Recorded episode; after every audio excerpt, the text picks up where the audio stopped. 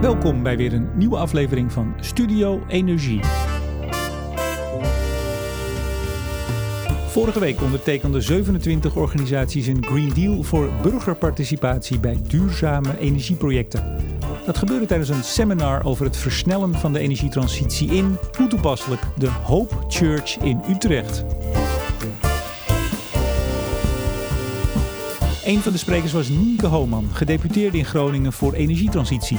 Direct na haar speech sprak ik de GroenLinks-bestuurder in de bovenzaal van de kerk over het gapende gat tussen woorden en daden in tijden van politieke versplintering en populisme. En ook deze uitzending wordt mede mogelijk gemaakt door de Nutsgroep en Team Energie van Ploem Advocaten. Er wordt hier straks een Green Deal getekend, dat is heel belangrijk. De Green Deal participatie van omgeving bij duurzame energieprojecten. Nou, hier, en dat is essentieel. Waarom is dat essentieel? Nou, we hebben de afgelopen jaren, hè, we zitten een beetje op zo'n heel mooi kantelpunt in de geschiedenis, zou ik bijna zeggen. Het besef dat we duurzame energie nodig hadden, dat was er al langer. Maar hoe je dat dan samen doet en dat het dan samen veel sneller gaat, nou, daar was nog gewoon niet genoeg aandacht voor. Eh, toen ik dat zag, toen dacht ik eerst, waarom nou alleen bij duurzame energieprojecten? Je kan toch wel zeggen bij energieprojecten? Ja, maar dat is natuurlijk wel een beetje waar we ook eh, de strubbelingen bij duurzame energie gewoon af en toe mee krijgen. Daar kunnen we eerlijk over zijn. Die hebben namelijk impact in ons landschap. En kolen, hè, om maar een voorbeeldje te noemen, nou, die worden afgegraven in andere landen. Dus de littekens in het landschap van kolen liggen elders. En van uh, windenergie en zonneparken, ja, die hebben gewoon een landschappelijke impact in onze directe omgeving. Maar goed, we hebben ook nog heel lang fossiel nodig. Uh, daar wordt ook nooit iets gecompenseerd. Hè? Want het gaat hier vandaag natuurlijk over hoe kunnen mensen participeren, hoe kunnen we ze ook tegemoet komen, hoe kunnen we wat geld aan ze geven. Dat is dan nooit rondom een kolencentrale of een gascentrale gebeurd. Nee, maar de burgers zijn natuurlijk veel mondiger geworden de afgelopen jaren. Dan moet ik zeggen dat ik vanuit Groningen wel vind dat er wel een compensatie nodig is hoor, voor de gevolgen van de gaswinning. En dat maakt natuurlijk ook dat wij in onze provincie Groningen gewoon echt veel gemotiveerder nog zijn om die energietransitie te versnellen. Ik ben eigenlijk helemaal vergeten om u te feliciteren met de uitslag gisteren. ja, nee, ik ben uh, trotse GroenLinks. Dat was ik altijd al. Maar dit zijn wel leuke tijden, inderdaad. Ja, hoe is het in Groningen gegaan? Ook goed? Nou, we hebben in de stad Groningen geen verkiezingen gehad. Maar in de andere gemeenten wel. En dat is inderdaad goed gegaan. Oké. Feest tot diep in de nacht? Nou, het was wel na 12 uur. Oeh, nou, dat is al. Uh... Goed, terug, terug naar het onderwerp. Um, samen de energietransitie versnellen. Ik, ik heb eens even de, de, de, aanbevelingen erbij gepakt. Ik neem aan dat u hem ook hebt doorgelezen, het, het rapport. Dat is op basis van vier windenergieprojecten op land. Er zijn een aantal aanbevelingen. Ik doe ze even heel snel op. Betrek de omgeving vroegtijdig bij nut en noodzaak. Sluit aan op lokale belangen. Stel duidelijke kaders. Zorg voor betrokkenheid, vroeg en goede participatie. Blijkbaar is er goede en slechte participatie. Uh, en dan is er nog iets over lokale energieinitiatieven, wat ik niet helemaal begreep. Maar toen ik dat zo las, toen dacht ik: dit is niet wereldschokkend. Nee, ik, uh, dat werd ook op het podium wel gezegd. Dit zijn eigenlijk gewoon open deuren. Maar ja, doe maar waarom maar zijn we hier dan vandaag? Ja, ik denk dat dat een heel mooi voorbeeld is. Hè? Van nou ja, hoe betrek je nou coöperaties en wat is participatie? Nou, als ik even terugkijk naar het vorige energieakkoord en grote afspraken over wind op land. Uh, nou, de grote rol voor de provincie, voor de gemeente. Maar ja, hoe zat het dan met de burger? En als ik dan iets heb geleerd de afgelopen jaren met een grote taakstelling voor wind op land in de provincie Groningen, dan is het inderdaad wel dat hoe participatie toen werd benoemd, eigenlijk inspraakavonden, dat soort zaken dat we dat nu echt heel anders zien. Nu willen burgers gewoon nou, hun eigen energiebeheerders zijn, het zelf opwekken. Nou, dat is toch wel een, uh, een hele verandering. Dus hoe participatie er nu uitziet, dat is veel meer, en daar zijn we in Groningen ook mee bezig, dus daarom stond ik net ook op het podium. Dat is veel meer dat je eerst vraagt, jongens, als je duurzame energie wil, en laten we helder zijn, dan heb je het gewoon over grote windmolens en grote zonneparken, want anders red je de energietransitie niet. Maar als we dan gaan voor die grote windmolens, wat zijn dan de voorwaarden waaronder u dat wel zou willen? En daar hebben we in Groningen gezegd, nou er komen drie grote thema's uit. Eerlijk, efficiënt en eigen. Wij kennen onze omgeving wel, wij willen energie opwekken, maar geef ons daar dan ook vanaf begin af aan een rol in. Ja, maar u, u, komt inderdaad net van het podium af. U, u, had het ook over dat u iets briljants had in Groningen, namelijk een, een soort kleine windmolen, die ook rendabel was, zei u er meteen bij. Ik geloof dat er 108 staan. Toen dacht ik, wat leveren die dan op? Want dat haalt het natuurlijk niet bij die 4 megawatt en nog groter die we nu aan het neerzetten zijn. Nee, dat klopt. Dat is ongeveer genoeg energie voor een, uh, voor een agrarisch bedrijf of voor 20 huishoudens. Ja, eentje bedoelt u? Ja, voor, ja één windmolen inderdaad. Maar, maar toen, ik, ik, ik, stond achter in de zaal en ik dacht, als hier nu uh, uh, een zaal met mensen zat in de provincie of waar dan ook, mm -hmm. die zouden denken, die Homan, dat is mijn dame, die weten, die zegt, ik heb iets briljants, het is rendabel, kleine windmolens, dat moeten we doen. Maar ik stond even met de baas van de, de NWA. Die zei ja. Één, één modern is ongeveer net zoveel als die 108 kleintjes. Dus Ja. dat zet gewoon helemaal geen zoden aan de dijk. Nee, maar voor de opwek is het, uh, draagt het niet genoeg bij aan de energietransitie. Maar geeft u dan niet een beetje een verkeerd beeld? Nogmaals, als hier, dit zijn allemaal professionals die hier in de zaal zitten. Maar als hier bewoners hadden gezeten, die hadden gedacht... yes, Nee, dat heb ik ook heel duidelijk benoemd. Ik heb duidelijk gezegd, wat bij ons heeft geholpen... Hè, is dat we kleine windmolens hebben... waar we in onze provinciale regels ruimte voor hebben gemaakt. Hè. Dus die kleine windmolens die mogen in onze provincie... Uh, en die hebben heel erg bijgedragen aan het gevoel... hé, hey, we kunnen samen energie opwekken. En heel veel coöperaties, maar ook agrarische bedrijven... hebben zo'n windmolen aangeschaft. En dat heeft wel het gevoel van, hé, hey, we doen het zelf, we kunnen dat zelf. Nou, dat heeft heel erg daarbij geholpen. Ja. Maar het is inderdaad, het helpt... maar we gaan er niet energie-neutraal mee worden. Ik, ik, ben u, dat was vorig jaar, een beetje gevolgd in uw, uh, in uw, uh, ja, in uw gevolg door de provincie. In de zoektocht. De zoektocht. gewoon een keer of drie, vier ben ik met u mee geweest, uh, waar u de zaaltjes inging, om bewoners een spel te laten spelen. Om ze inzicht te geven in wat is de opgave en wat is daarvoor nodig. Kunt u er iets over vertellen? Ja, dat klopt. Wij hebben gezegd, we willen naar 60% duurzame energie in Groningen. Nou, we gaan hele grote klappen slaan volgend jaar al. Dan gaan we naar 33% duurzame energie. Da, da, daar kom ik straks even op terug. Ja. Hou, me even vast. Ja, maar dan zijn we nog niet bij die 60. Dus vandaar dat we zeiden, nou dan hebben we meer windmolens op land nodig. Dus laten we dan ook eens heel duidelijk zijn, dat gaan we doen. Maar we vragen vervolgens ook onder welke voorwaarden zou je dat willen. Nou, en dan kun je inderdaad uh, de zaaltjes bij langs gaan en die vraag stellen. Maar we dachten, laten we nou beginnen met een energy game, de We Energy Game. Dan krijg je een soort van printje van je eigen omgeving. En dan kun je aangeven, nou, dit is het energieverbruik. En dan heb je, nou ja, zoveel windmolens of zoveel zonnepanelen of zoveel biomassa voor nodig. Nou, en dan vroegen we ook aan de mensen aan de tafels. Nou, ongeveer zo'n 40 per avond kwamen er. We hebben geloof ik 18 bijeenkomsten gehad. Dan vroegen we ook van, nou hoe zou u dat dan doen? Nou, en dan kreeg je eigenlijk een soort van overzichtelijk gesprek. Dat ze begonnen met, doe maar biomassa. En dan zat de buurman erbij en die zei van, nou, ja, dat weet ik niet. Hè, dat we straks overal mais groeien. Of doe maar, uh, nou ja, biomassa stinkt ook, hè, of dat kan stinken. Ik was erbij, er brak vaak meteen discussie uit, om het, om ja. het zachtjes te zeggen. Hè? Ja, nee, dat was, waren mooie momenten. dus je zag echt een beetje het gevoel waar wij als provincies en gemeenten natuurlijk ook tegenaan lopen. Hoe doe je dat dan met de ruimtelijke ordening? Maar het waren wel mensen die toch wel bereid waren om tot iets van een compromis te komen. Ja, maar dat, daarom zijn we ook wel helder geweest. Hè. We hebben dit nodig. Hè. We willen met z'n allen natuurlijk klimaatverandering tegengaan. Ja, dan kun je niet alleen maar naar iemand anders kijken, dan moet je ook zelf wat doen. Willen we dat allemaal echt? Nou, laten we zo zeggen, de meerderheid willen het. We hebben met elkaar afgesproken dat we... Nou ja, we hebben Parijs het akkoord getekend. Nou, dan kun je niet naar andere landen kijken. Dan moet je zelf wat doen. Nou, dat heeft deze regering gedaan. Ook gezegd, we gaan naar 49% CO2-reductie. Zelfs naar 55. Hè, we willen ook voorloper zijn. Ja, en dan, uh, nou ja, dan moet je daar toch met elkaar afspraken over maken. Nou was er, ik geloof vorige week of twee weken geleden... een, een uitzending van de Monitor, KRO-NCRV. Ja, oh, die uh, was tenenkrommend. Nou, ik wou net vragen, wat vond u daarvan? Maar dat, dat kwam er ook meteen uit, hè? Nou, ik vond het echt verschrikkelijk. En het was wel. Dus misschien moeten we even voor de luisteraars die het niet gezien hebben vertellen wat dat voor uitzending was. Nou, hoe ik hem heb, uh, uh, nou, hoe ik hem heb onthouden, laat ik het even zo zeggen, is dat er uh, eigenlijk door alle geïnterviewden, hè, dus de Nederlanders werden geïnterviewd. Eigenlijk werd er gezegd, nou, we vinden duurzaam en energie-neutraal heel erg belangrijk. En vervolgens werd dat vertaald van, nou, wat betekent dat dan? Dat betekent bijvoorbeeld een groot zonnepark.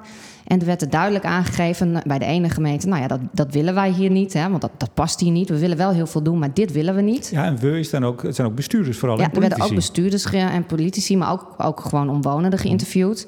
En vervolgens werd er dan gezegd, waar kan het dan wel? En dan werd er verwezen naar een andere gemeente. Want daar is ruimte, bijvoorbeeld aan zee. En aan zee bij de gemeente werd gezegd, nee, hier is geen ruimte, doe maar op een andere plek. Dus eigenlijk werd er steeds doorverwezen aan niemand anders. En eigenlijk zeggen wij in Groningen heel duidelijk van nee, je moet echt ook bij jezelf beginnen. Maar nou hebt u natuurlijk in die zin, het is wat wrang, maar een, een bijzondere positie als provincie door de problemen met de aardbevingen. Het is daar wat makkelijker om uh, te vertellen dat er iets anders moet. Dat viel me ook op in de, de zaaltjes. Maar denkt u dat hetzelfde in Gelderland, Zeeland of uh, Noord-Holland zal zijn? Nou ja, dat, bij ons is het gewoon heel dichtbij gekomen. Hè, de gevolgen van, uh, van de fossiele energie. En, uh, maar we moeten ons wel realiseren met z'n allen dat het bij iedereen dichtbij komt. Hè, en pas als de kosten toe gaan nemen en ook even worden doorberekend over de hoge waterstanden, overstromingen, ja, dan komt het bij iedereen dichtbij. Dus ik denk ook dat dat wel ook de grote opgave van de overheden en andere organisaties is. We moeten wel met elkaar realiseren dat we hier allemaal voor deze opgave staan. U zei net, u gaat naar, wat was het ook weer, 60% duurzame energie in 2035? 35, ja. Uh, en u, u, maakte net in de zaal uh, trots bekend. Ik kijk nog even in de aantekening, maar u weet het vast nog. Hoeveel was het nou volgend jaar? 33 procent duurzame energie. En ja? ik zei erbij, nou daar zit dan de biomassa bijstook in de kolencentrale bij. Ja?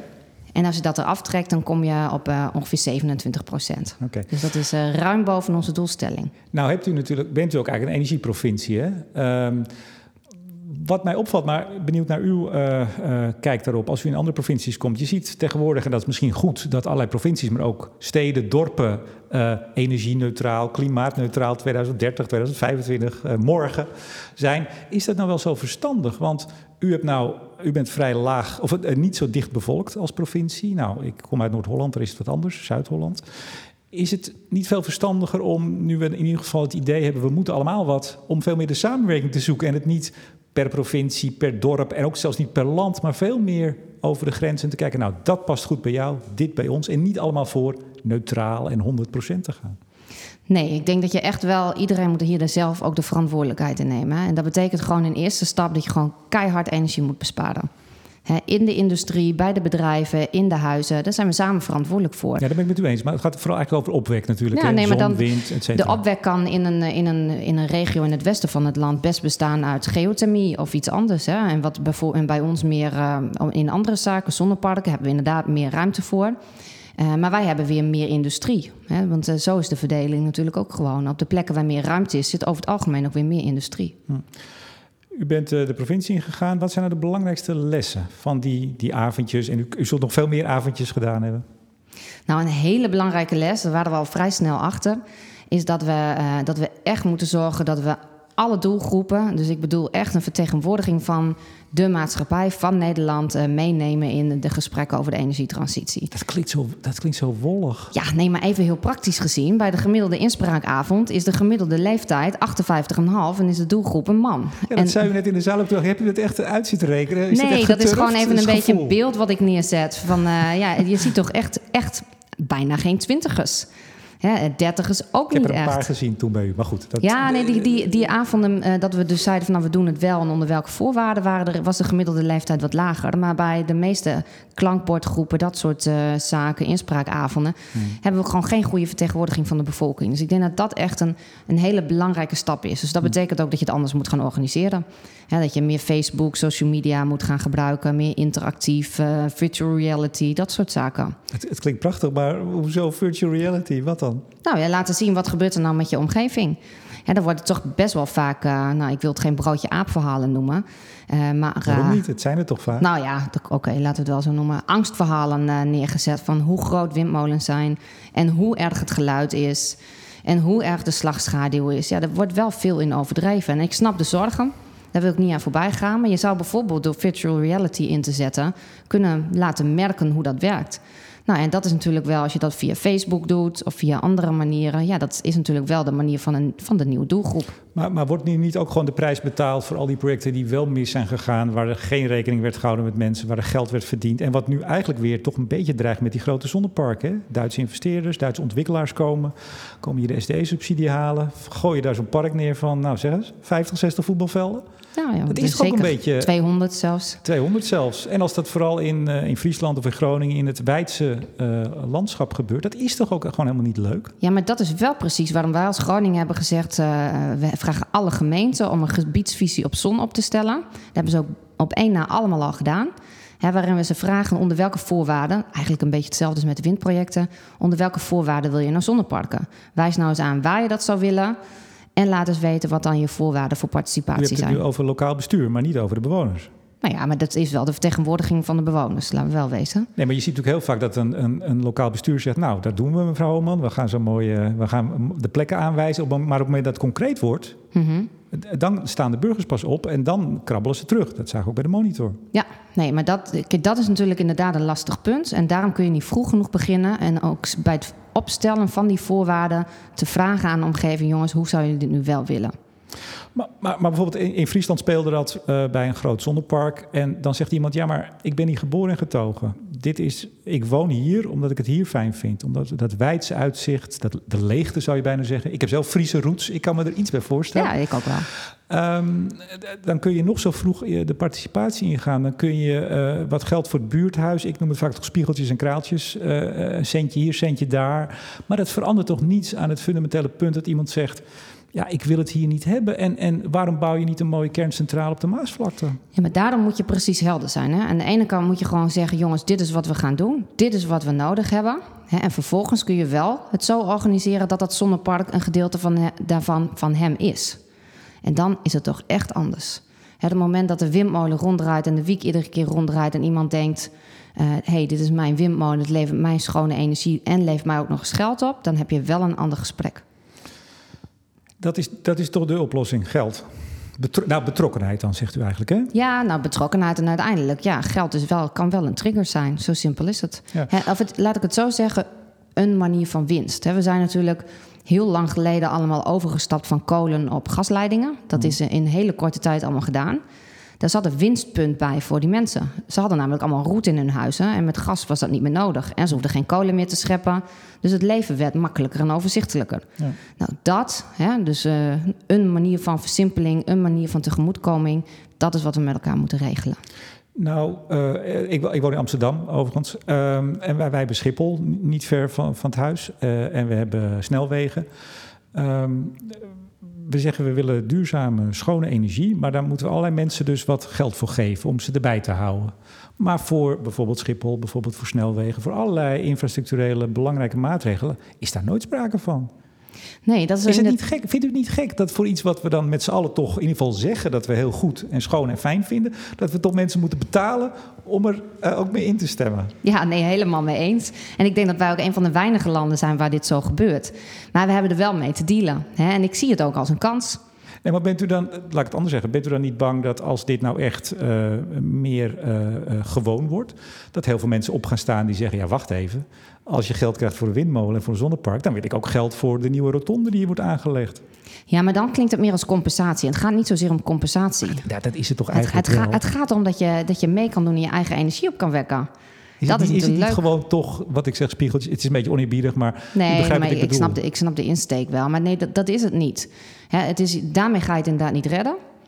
Dat is volgens mij wat we hebben geleerd van het hele, de opgave van Wind op Land. Mm -hmm. daar zat ook uiteindelijk compensatiegeld bij, zullen we maar even zo noemen. Uh, maar juist uh, dat je ze onderdeel maakt van een, een, windmolen of van een zonnepark, maar ook van de energiebesparing in een eigen huis hè, en daarmee de winst ook laat voelen. En we dragen bij aan klimaatverandering, daar moeten we gewoon helder in zijn. Ik denk dat je dan de verandering wel hebt. We stonden net beneden even in de, de kerkzaal met uh, Jan-Jacob van Dijk, uw collega gedeputeerde. Ja.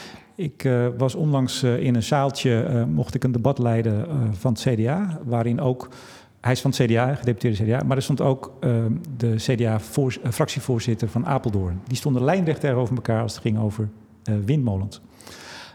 Van Dijk wil ze graag wel en Apeldoorn niet. Maar er was ook een andere vraag uit de zaal. Dat was een hele bijzondere. Ed Nijpels was er overigens ook. De vraag was voor Nijpels en voor Van Dijk. En die meneer in de zaal die zei... ja, wij stoten ongeveer 0,4% van de wereldwijde uh, broeikasgasuitstoot uit. En nou, u weet ook, minister Wiebes heeft gezegd... zo 1 tot 3% van het uh, BBP gaat het ons kosten tot 2050. Even grofweg 500 miljard. Die man zei... ja, 500 miljard voor 0,4 procent, uh, dat is wel heel erg veel. Wat zegt u dan? Nee, dat vind ik echt onzin. Als je, als, je, als je echt zou gaan rekenen, dan gaat het om heel veel hogere kosten wat we moeten uh, investeren om te zorgen dat we ons kunnen blijven beschermen tegen de klimaatverandering. U zegt dat niks doen is duurder. Ja, niks doen is veel duurder. Maar dat is in de Kamer hoor je dat ook heel vaak. Rob Jetten van D66 riep het laatst nog eens. Toen zei de PVV: Komt u dan eens met een berekening? Dat was op zich best een goede vraag. Nou, dat is, dat is vrijwel onmogelijk. Moet je kijken hoeveel overstromingen de afgelopen jaren hebben gehad. He, dat soort zaken, het ophogen van de dijken gebeurt nu al. Maar dit, Dijk... dit zijn, als, dan zou ik ze toch adviseren om eens te gaan kijken naar het Deltaplan. bijvoorbeeld. Nee, maar het, punt was dat uh, de vraag werd ook aan, dus aan Van Dijk gesteld. En ik, ik vroeg hem eigenlijk, kunt u dat uitleggen? En hij zei, ik kan dat niet uitleggen. Ik kan niet uitleggen dat alleen voor die 0,4 procent... Hij zegt, het gaat ook over schonere lucht. Minder afhankelijk van het buitenland. We zijn straks het gas kwijt. Zijn dat niet veel betere argumenten wellicht... om die enorme verbouwing van ons land te verkopen aan mensen? Ik denk dat per persoon kan het heel erg verschillen wat je motivatie is. Hè? Ik bedoel, ik vind schonere lucht persoonlijk echt een hele belangrijke. Ik maak me daar ook wel zorgen over. Hè? Hoe gaat dat? Je ziet dat, uh, dat de lucht gewoon veel verzadigder wordt met slechte stoffen. Nou, er zijn sommige mensen hebben daar heel veel last van. Maar ja, aan de andere kant zou je ook kunnen zeggen... nou ja, de kosten voor uh, de snelle klimaatverandering... en de adaptatie van de manier waarop wij landbouwgronden inzetten... Ja, dat, dat kun je allemaal meerekenen. Maar al met al, en ik weet niet uh, of uh, u kent haar vast, Bernice Notenboom. Hè, die zegt heel vaak, en ik vind dat een prachtig voorbeeld... die klimaatverandering is zo groot... Hè, dat gaat eigenlijk ons, de manier waarop wij mensen denken, te boven... waardoor we ons er eigenlijk gewoon maar het liefst van afsluiten. En ik denk dat dat wel af en toe is waar we gewoon in zitten. Dat is die mevrouw die die expedities naar, naar Spitsberg organiseert... waar al, ja. die, al die CEO's met betraande gezichten, een soort boetedoening... Een soort ja, en, en vervolgens ook gewoon veel actiever ermee aan de slag gaan. Hè? Dus ja, is dat nou ook. zo? Ja, ja, zeker. Bent u al geweest? Nee, nee, dat is niet aan mij besteed. Ik heb het te druk in Groningen. Nou, kijk, dat bedoel ik. nee, ik heb... Maar nu raakt u precies het goede punt. U bent nee. druk met die transitie uh, uit te voeren in Groningen. En er gingen heel veel CEO's naartoe met hun hele PR-apparaten... die met prachtige filmpjes en, en mooie jassen aan... daar hele goede sier aan het maken waren. Of ben ik nou te cynisch? Nee, dat is wel wat te cynisch. Okay. Ik denk, uh, weet je, ik, ik sta op podia, ik kan dit verhaal vertellen. Ik ben uh, zelf sowieso gemotiveerd... maar ik ben ook vanuit mijn bestuurdersrol in een gaswinningsgebied... echt super gemotiveerd... En we hebben het serieus ook echt heel druk in Groningen met nog het gaswinningsdossier daarnaast. Um, nee, ik heb dat niet nodig, maar ik snap het wel. En ik denk hoe, hoe Bernice dat ook uitlegt en dat gevoel wat mensen dan, hoe ze terugkomen. Hè, klimaatverandering is zo in, immens. Nou, dat, dat, is gewoon, dat gaat ons te boven. En dat is natuurlijk ook de kunst van hoe maak je als bestuurder dit nu gewoon in de praktijk gewoon realiteit. En dat is natuurlijk waar ik voor sta. Bernice is, is eigenlijk journalist, toch? Of niet? Ja. Ja, oké. Okay. Helder. dat doet ze goed. Ja, nee, dat, dat doet ze fantastisch, zeker. Um, hoe gaan we verder met die transitie? U, uh, u hebt nog even, u bent in 2015 begonnen. Ja. Dus u zit tot volgend jaar? Als... Ik ben nog één jaar, uh, in ieder geval één jaar bestuurder van de provincie Groningen. En uh, nou ja, we hebben een ambitieus programma, zei ik al. Ja. Dus nou, dat wordt een, een mooi laatste jaar. Ik okay. denk dat we hele grote stappen hebben gezet. We hebben bijvoorbeeld ook het Groningen bod gedaan aan de rest van Nederland. Dat was uh, naar aanleiding dat van... Dat heb ik even gemist, denk ik. Ja, nee, dat, uh, ik wil wel even toelichten. er waren twee grote steden in Nederland die zeiden... hé, hey, wij kunnen energie-neutraal worden voor zoveel miljard. En toen dachten wij, nou, wij zijn altijd energieleverancier van Nederland geweest... Hè, met gas dan. Uh, wij kunnen de rest van Nederland voorzien van duurzame energie... en zelf energie-neutraal worden. en vervolgens hebben wij een bod daarvoor neergelegd. U bent ook van de kolencentrales nog? Wat zei je? Van de kolencentrales bent u toch ook nog? Nou, ho, ho, ho, ho, ho. nou, op, op termijn worden die gewoon uitgefaseerd. Ja, maar die staat nog wel een mooie natuurlijk. Ja, maar precies voor dat soort dingen. Hè. We hebben inderdaad in de Eemshaven uh, heel veel energiecentrales. Hè. We zijn leverancier van uh, energie voor Nederland. We weten ook dat we dat gewoon uh, op een andere manier moeten doen. Nou, wij zien als grote oplossing daarvoor ook waterstof. Niet voor de huizen, maar echt nou, sowieso de industrie. Grootste gebruik van energie in Nederland. Dus wij zeggen, we hebben veel wind op zee nodig omzetten in waterstof. En dat kan dan uh, als grondstof en als energiedrager in de industrie worden gebruikt. Dus dat was een beetje het Groninger bod. Hè, wij voorzien de rest van Nederland nu van duurzame energie. En zijn ze blij met dat bod? Nou ja, we zijn er nog mee bezig. Oké. Okay. Wordt vervolgd. U hebt nog een jaar, maar in dat jaar zult u een groot deel van de tijd aan een tafel zitten. Een, uh, een van de vijf uh, klimaatonderhandelingstafels, noem ik ze maar even. Welke tafel zit u? Aan de, inderdaad, je hebt de, het klimaatakkoord, er wordt aan gewerkt met vijf tafels. En er is één tafel industrie, één van de vijf. En uh, daar zit ik namens het interprovinciaal overleg uh, aan. En waarom zit het inter, interprovinciaal overleg aan een industrietafel? Nou ja, sowieso uh, zitten we overal aan tafel. Ik denk dat dat, Het viel me trouwens op, als ik mag onderbreken... iedereen zit ongeveer aan iedere tafel. De FNV zit aan iedere tafel. Nou, de FNV zit niet aan iedere tafel, dus dat klopt ja. niet.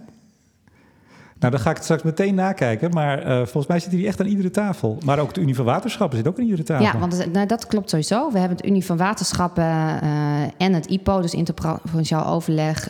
VNG, en de VNG, ja, dus de Vereniging Nederlandse Gemeenten en het Rijk hebben ook een akkoord gesloten. We gaan ons samen inzetten, onder andere voor energietransitie. En dat doen we onder andere aan de klimaattafel. dus we zitten inderdaad met z'n allen aan tafel. Maar dat is ook essentieel, denk ik. de provincie gaat, zoals we zeiden, over ruimtelijke ordening bijvoorbeeld, over regionale economie, maar ook over vergunningverlening, toezicht en handhaving bij grote bedrijven die energie gebruiken.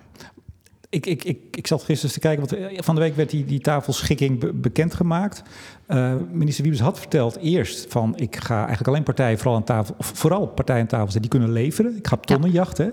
Maar als je er zo naar kijkt, de Fietsersbond, nou eigenlijk eh, heel veel van de usual suspects die ook in 2013 bij het energieakkoord zaten, zitten weer aan tafel is hij niet toch vooral weer bezig om een heel breed akkoord te smeden, zodat men in de Kamer er ook eigenlijk al niet zoveel meer aan kan veranderen? Nee, ik denk dat we wel geleerd hebben van het uh, eerste energieakkoord. Hè. Het is sowieso een mooie drive van energieakkoord naar klimaatakkoord. Dus klimaat is breed, het gaat nu echt over CO2-reductie.